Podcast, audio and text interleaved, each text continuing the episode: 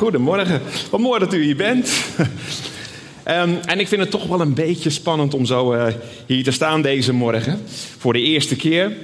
Maar ik dacht, zal ik mezelf maar even voorstellen. Nou, mijn naam is Yunus Manaputi. En ehm, ja, dat is een lastige naam, hè? en ik ben inmiddels ongeveer 22 jaar getrouwd met Els, die daar zojuist stond te zingen. Ehm, wij hebben drie kinderen. Nathan van 16 jaar, David van 13 en Lois van 10. En uh, wij komen nu ongeveer ruim vijf jaar in deze mooie gemeente. Uh, en we zijn hier beland na eerst ja, 17 jaar in Gouda te hebben gewoond. Uh, om uiteindelijk dan hier in het mooie hoge noorden te landen en hier naartoe te verhuizen.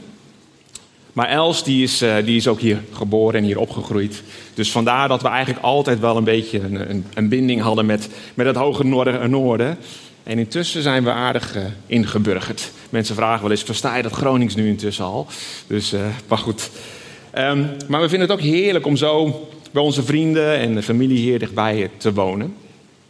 Hier in de gemeente, nou, kennen jullie me misschien als de pianist die hier wel eens op zondag mag voorgaan.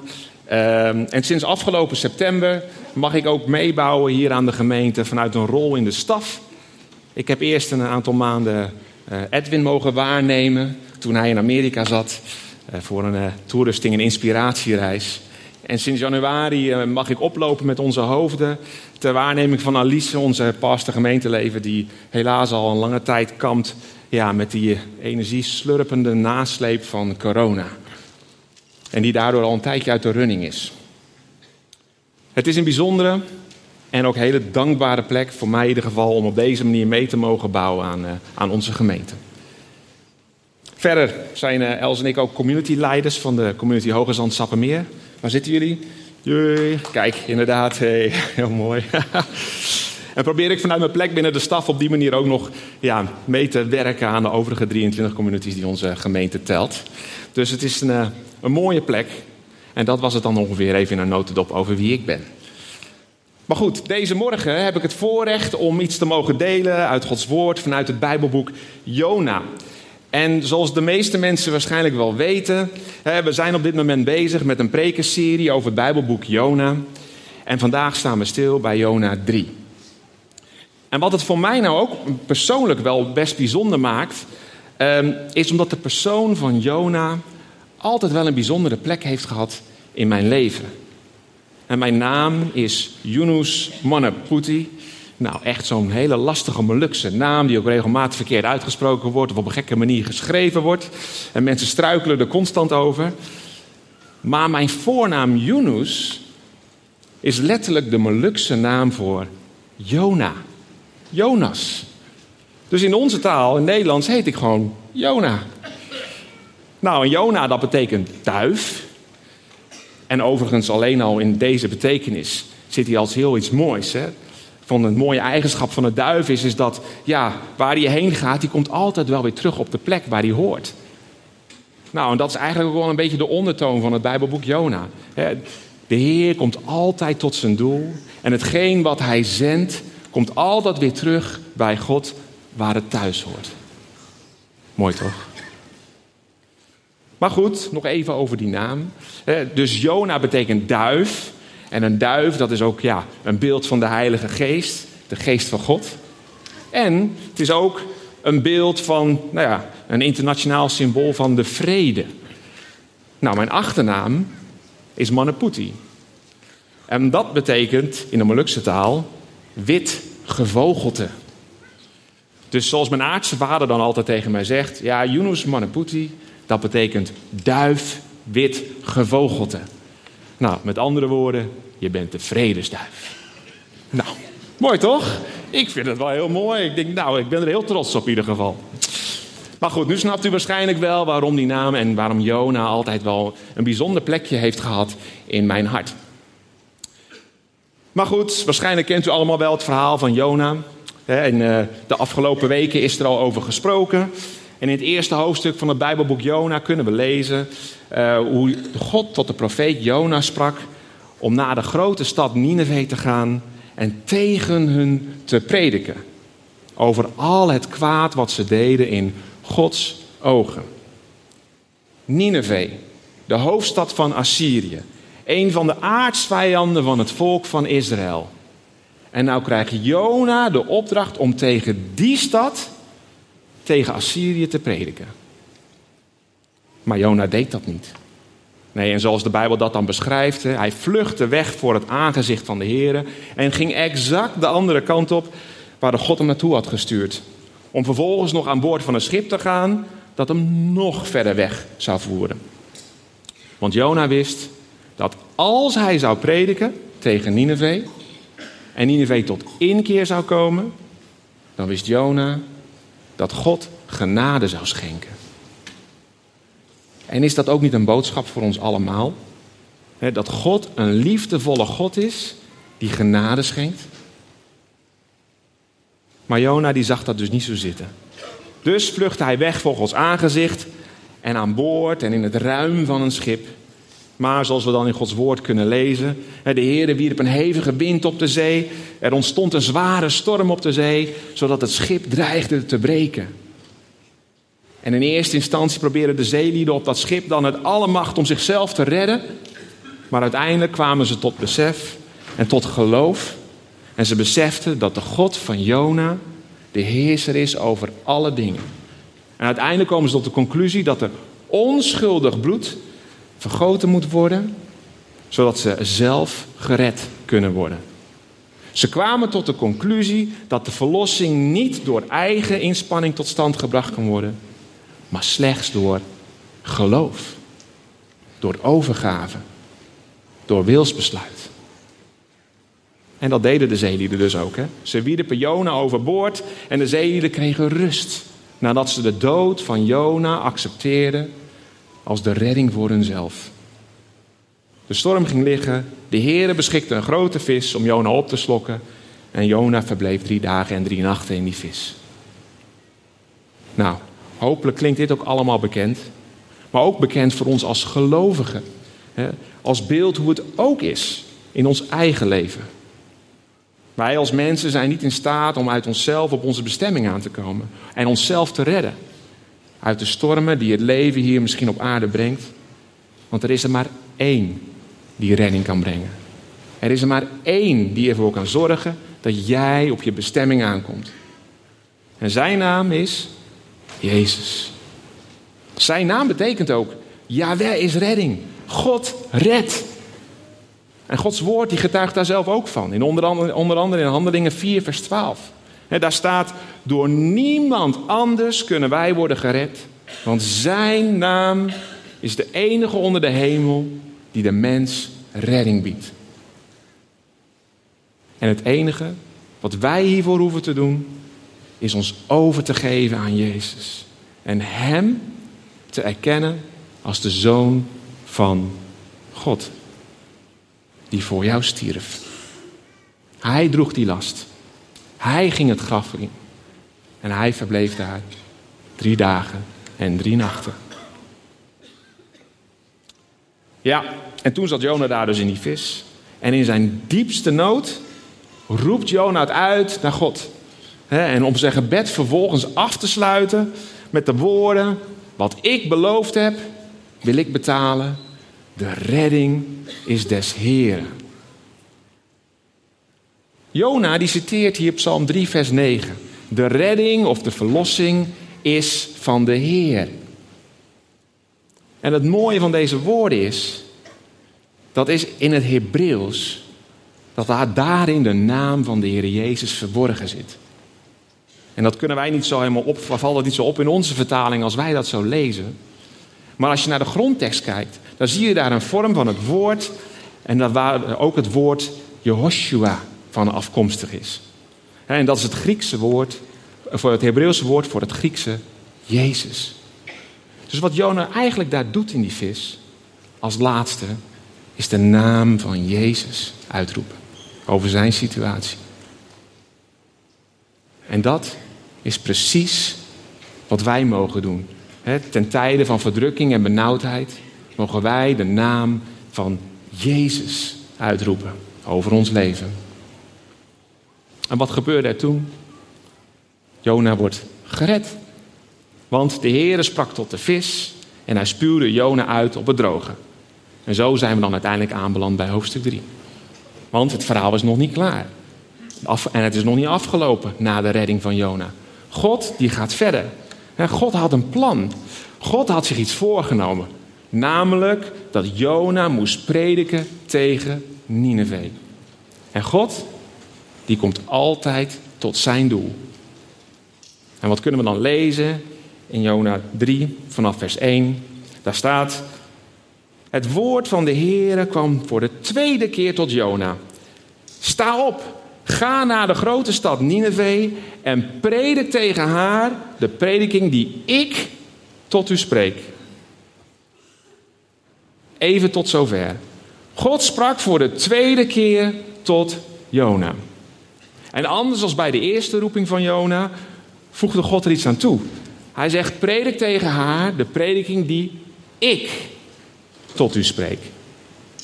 De eerste keer kreeg Jona de opdracht om te prediken, maar nu voegt God eraan toe dat hij zelf de woorden aan Jona zal geven om te prediken. En lieve mensen, wat laat God toch veel van zijn karakter zien? En wat ligt hier ook een waarheid die we onszelf mogen toe-eigenen? Want misschien is het al een tijd geleden dat jij een ontmoeting had met God. Of misschien is het ooit een tijd geweest dat je als ware in vuur en vlam voor Jezus stond. Of misschien heb jij wel eens in het verleden heel duidelijk een woord van God ontvangen. Of een roeping ontvangen over je leven. Maar inmiddels is veel van dat alles naar de achtergrond verdwenen. Of is het vooral een herinnering? En heeft het leven je intussen opgeslokt? Waardoor het op dit moment niet veel meer over is voor God.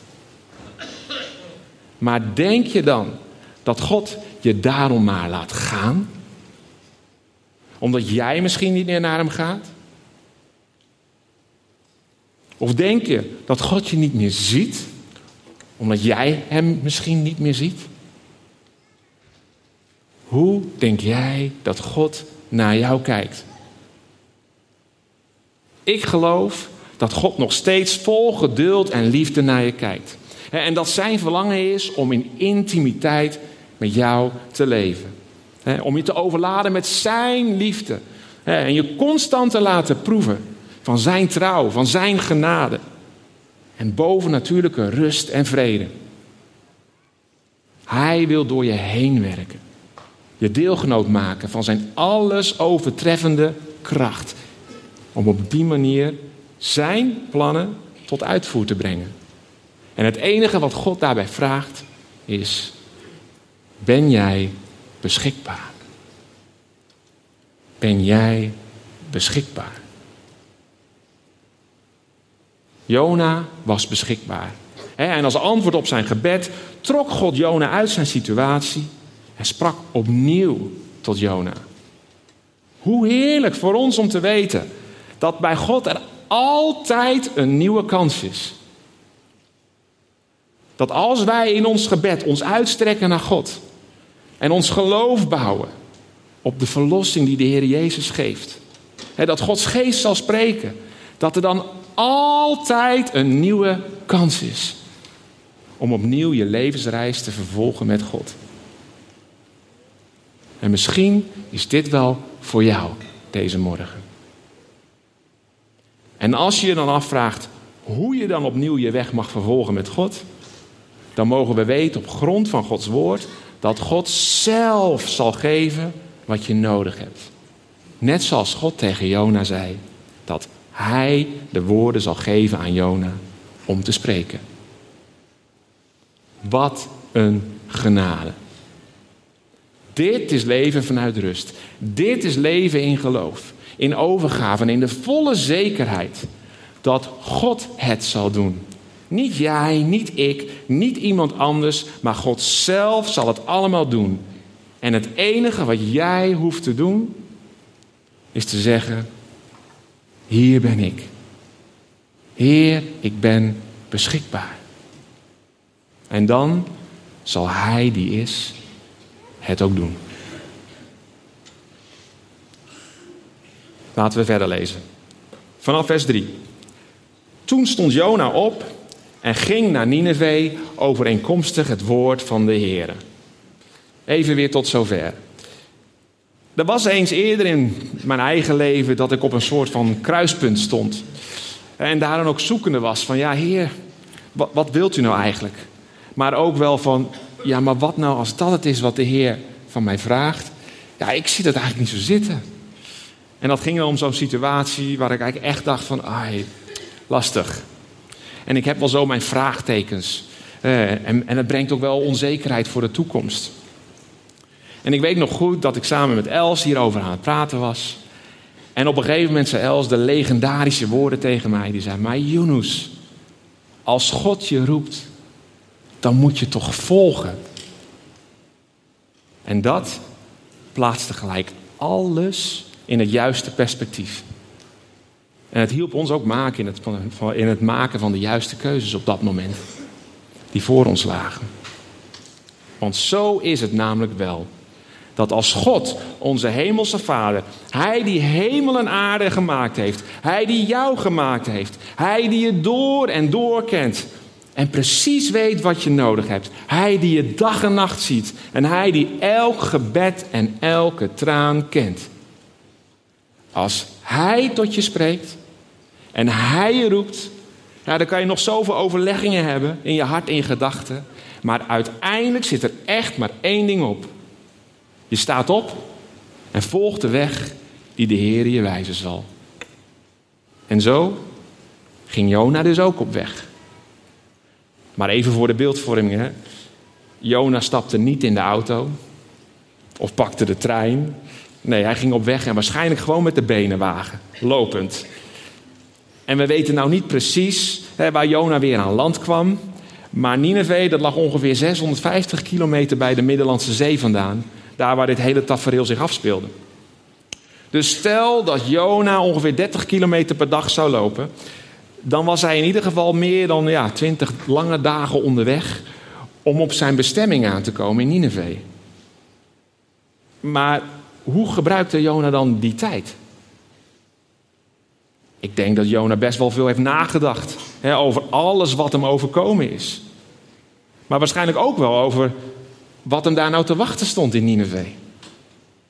Waarschijnlijk heeft hij ook wel veel gebeden, denk ik dan. Of gesproken met God. Hè, over wat hij dan moest verkondigen in Nineveh. Ik denk dat deze periode en aanloop naar Nineveh, dat het ook een moment van rust en van inkeer en van intimiteit met God is geweest.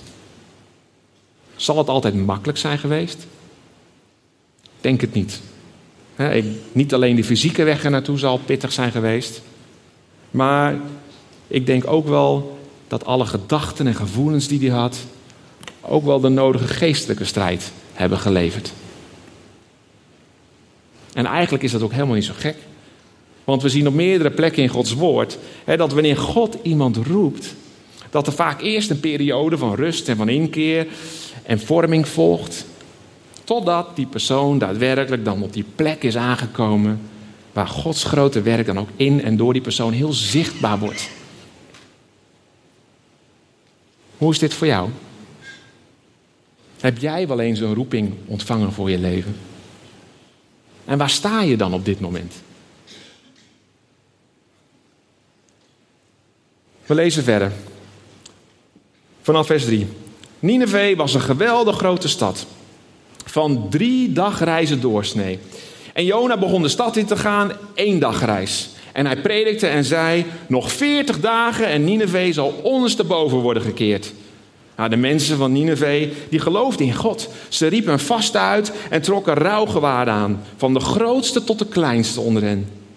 En toen dat woord de koning van Nineveh bereikte, stond hij op van zijn troon, legde zijn statiegewaad af, hulde zich in een rouwgewaad en ging in het stof zitten. En in Nineveh werd op bevel van de koning en zijn rijksgenoten omgeroepen: Mensen, dieren, runderen en schapen mogen niets eten, niets grazen en geen water drinken. Mensen en in rouw, moeten in rouwgewaden gehuld zijn en met kracht tot God roepen. Ze moeten zich bekeren en ieder van zijn slechte weg en van het geweld dat aan zijn handen kleeft. Wie weet zal God zich omkeren, het berouw hebben en zijn brandende toorn laten varen, zodat wij niet omkomen. Tot zover even. Bijzonder, hè? En indrukwekkend verhaal toch? Maar ook heel duidelijk. Jona komt aan in Nineveh en predikt de woorden van God. Die God tot hem gesproken had. Nog veertig dagen en Nineveh wordt ondersteboven gekeerd. En ondanks dat de stad zo groot was dat er drie dagreizen voor nodig waren om er doorheen te reizen, had Jona maar één dagreis nodig om te prediken. En zijn boodschap komt dan redelijk snel bij, bij de koning terecht. Dat gaat voor ons gevoel toch wel erg snel, toch? Hoe kan het nou? Hoe is het nou mogelijk dat de inwoners van Nineveh zo snel tot geloof en inkeer komen? Maar misschien heeft dit wel te maken met de historie van Nineveh. In de Joods historische encyclopedie kunnen we lezen dat de Ninevieten in die tijd dachten en dat zij de god Dagon vereerden. En zij dachten dat god Dagon, dat is de god der vissen, hij werd afgebeeld als half mens, half vis. En zij geloofden dat Dagon ooit uit de zee was opgekomen en dat hij de stad Nineveh had gesticht. Het zou dus zo kunnen zijn dat toen Jona daar aankwam en over zijn verhaal in de vis vertelde, dat zij in Jona iemand zagen die door een hogere macht gezonden was. Is het niet bijzonder dat God ook wereldse afgoden, cultuur en overtuiging gebruikt om tot zijn doel te komen? En dat als God eenmaal zichtbaar aan het werk is, dat soms bepaalde zaken voor ons mensen ongelooflijk snel gaan. In ieder geval is de belevenis van Jona ook bekend geweest onder Ninevieten. Want de Heer Jezus spreekt er namelijk zelf ook over in het Nieuwe Testament. Onder andere in Lucas 11, vers 30, waar hij zegt: Want zoals Jona voor de inwoners van Nineveh een teken is geweest, zo zal ook de zoon des mensen het zijn voor dit geslacht. Jona was voor de Ninevieten een teken geweest. De Ninevieten hadden waarschijnlijk gehoord van Jona hoe hij na drie dagen en drie nachten uit die vis terugkeerde in het land der levenden. En hoe hij door God gezonden was om specifiek tot hun te spreken. Hoe denk je dat het geweest zou zijn voor die Ninevieten? Als je hoort dat iemand op een bovennatuurlijke manier een dodelijke situatie te boven is gekomen. En dat zijn leven nu door God bedoeld is om jou in relatie te brengen met God zelf. En dat door Hem God zelf persoonlijk tot jou wil spreken. Jona en zijn leven waarin hij vluchtte voor het aangezicht van de Heer, kwam in een vis terecht en daar in zijn toestand, vergelijkbaar met de dood, omdat de scheiding werd aangebracht met het leven. Daar legde Jona zijn leven zonder God af. Om vervolgens door God zelf weer in het leven geplaatst te worden. Maar dit keer in een herstelde relatie. Waar hij weer samen mocht leven met God. U proeft hem waarschijnlijk wel, toch?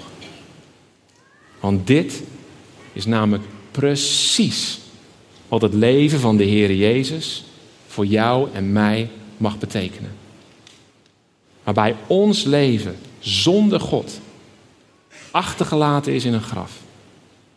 Waarbij wij het eeuwige leven met God mochten ontvangen toen de Heer Jezus de dood overwon en opstond uit de dood. En het enige wat wij hoeven te doen om het leven van de Heer Jezus van impact te laten zijn op ons leven, is in dit woord te geloven. Net zoals de Ninevieten het woord van Jona geloofden. Ik weet niet waar jij op dit moment staat. En ik weet niet hoe het gesteld is met jouw relatie met God. Misschien is het oké tussen jou en God. Maar misschien ben je ook wel aan het vluchten voor het aangezicht van de Heer. Of misschien zit je wel op die boot, hè, in die storm. Waarbij hij ook wel weet dat jij degene bent hè, die hier zijn leven moet geven om de storm te doen laten liggen. Of misschien ben je al in het water terechtgekomen. En heb je het gevoel dat jij niets meer kan doen en dat je de dood als ware in de ogen kijkt. Of misschien zit je wel in die vis. Je leeft, maar je bent ook dood. Het leven is ver van je vandaan. Je hebt geen idee hoe lang deze toestand en omstandigheden nog gaan duren. Alles lijkt hopeloos. En het enige wat jij nog kan doen, is bidden tot God. En jezelf overgeven aan Hem. Weet je, waar je ook zit op dit moment in je leven, er is er één die precies weet waar jij doorheen gaat.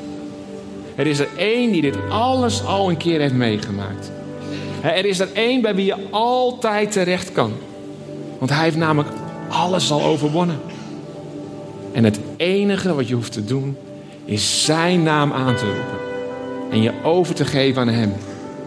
En zijn naam is Jezus. God redt. In het laatste hoofdstuk van, vers, van hoofdstuk 3, het laatste vers, kunnen we lezen dat God, nadat hij zag hoe de Ninevieten tot inkeer kwamen en hoe ze hun uiterste best deden om in verbinding te komen met God, dan kunnen we lezen hoe God berouw heeft. En dit laat wederom weer iets zien van Gods karakter. Want dit laat zien hoe betrokken God is bij ons mens. dit laat zien over de gevoelens van God en die Hij heeft voor jou en voor mij. En hierin proeven we ook de liefde van God. Voor ons, voor jou en voor mij. Want Nineveh deed kwaad in Gods ogen, zoals we kunnen lezen. En toch bekommerde God zich over Nineveh. Want hij stuurde Jona naar Nineveh. Om zichzelf door het leven van Jona bekend te maken. En zichzelf te openbaren. God had lief. En in zijn liefde schonk hij genade. En dit, lieve mensen, dit is ook een boodschap voor ons. Voor jou en voor mij. Ik heb geen idee wat je allemaal op je kerfstok hebt. En ik heb geen idee hoe groot jij de afstand tussen jou en God op dit moment ervaart. Ik heb geen idee hoe jouw relatie met God op dit moment is. Maar één ding weet ik wel. Voor God is geen kwaad te groot dat het tussen jou en hem in kan komen te staan. Dat was het al niet ten tijde van Nineveh en Jona. Maar dat is het zeker nu niet meer. Nu wij weten dat al het kwaad al lang daar aan het kruis genageld is, 2000 jaar geleden. Toen de Heer Jezus daar voor jou en mij stierf. Jona kreeg een nieuwe kans toen hij de naam van Jezus uitriep. Nineveh, die kwaad deed in Gods ogen, kreeg een nieuwe kans toen zij zich uitstrekte naar God. En zo is het ook voor jou en voor mij. Ook voor ons is er altijd een mogelijkheid om je weer opnieuw aan Jezus over te geven en naar Hem uit te strekken. Zijn naam die redt. Zijn naam brengt herstel. En zijn naam is de naam boven alle namen hier op de aarde en in de hemelse gewesten. En alleen door de naam van Jezus kan je relatie met God, onze hemelse Vader, weer herstellen. God wil niets liever dan in een relatie met jouw leven. Hem. En de enige afstand tussen jou en God is slechts één gebed. En daarom wil ik ook uitnodigen om tijdens het volgende lied opnieuw de naam van Jezus uit te roepen over jouw leven. Leg alles aan zijn voeten neer. Elke situatie, elke omstandigheid, elke droom, elk verlangen, alles wat er in je leeft. En je hoeft dit niet alleen te doen. Want als je zelf misschien niet zo goed weet wat je moet bidden, of als woorden je tekortschieten, dan zullen daar bij het kruis straks ook mensen staan die met je willen bidden. En samen met jou alles aan de voeten van Jezus willen leggen. En voor de troon van God. Pak deze kans aan. Laat het niet voorbij gaan. En wees ook vooral verwachtingsvol voor wat God zal doen. Want God, Hij ziet jou. God, die heeft jou lief. En zijn verlangen is, is om in een relatie met jou te leven. Amen.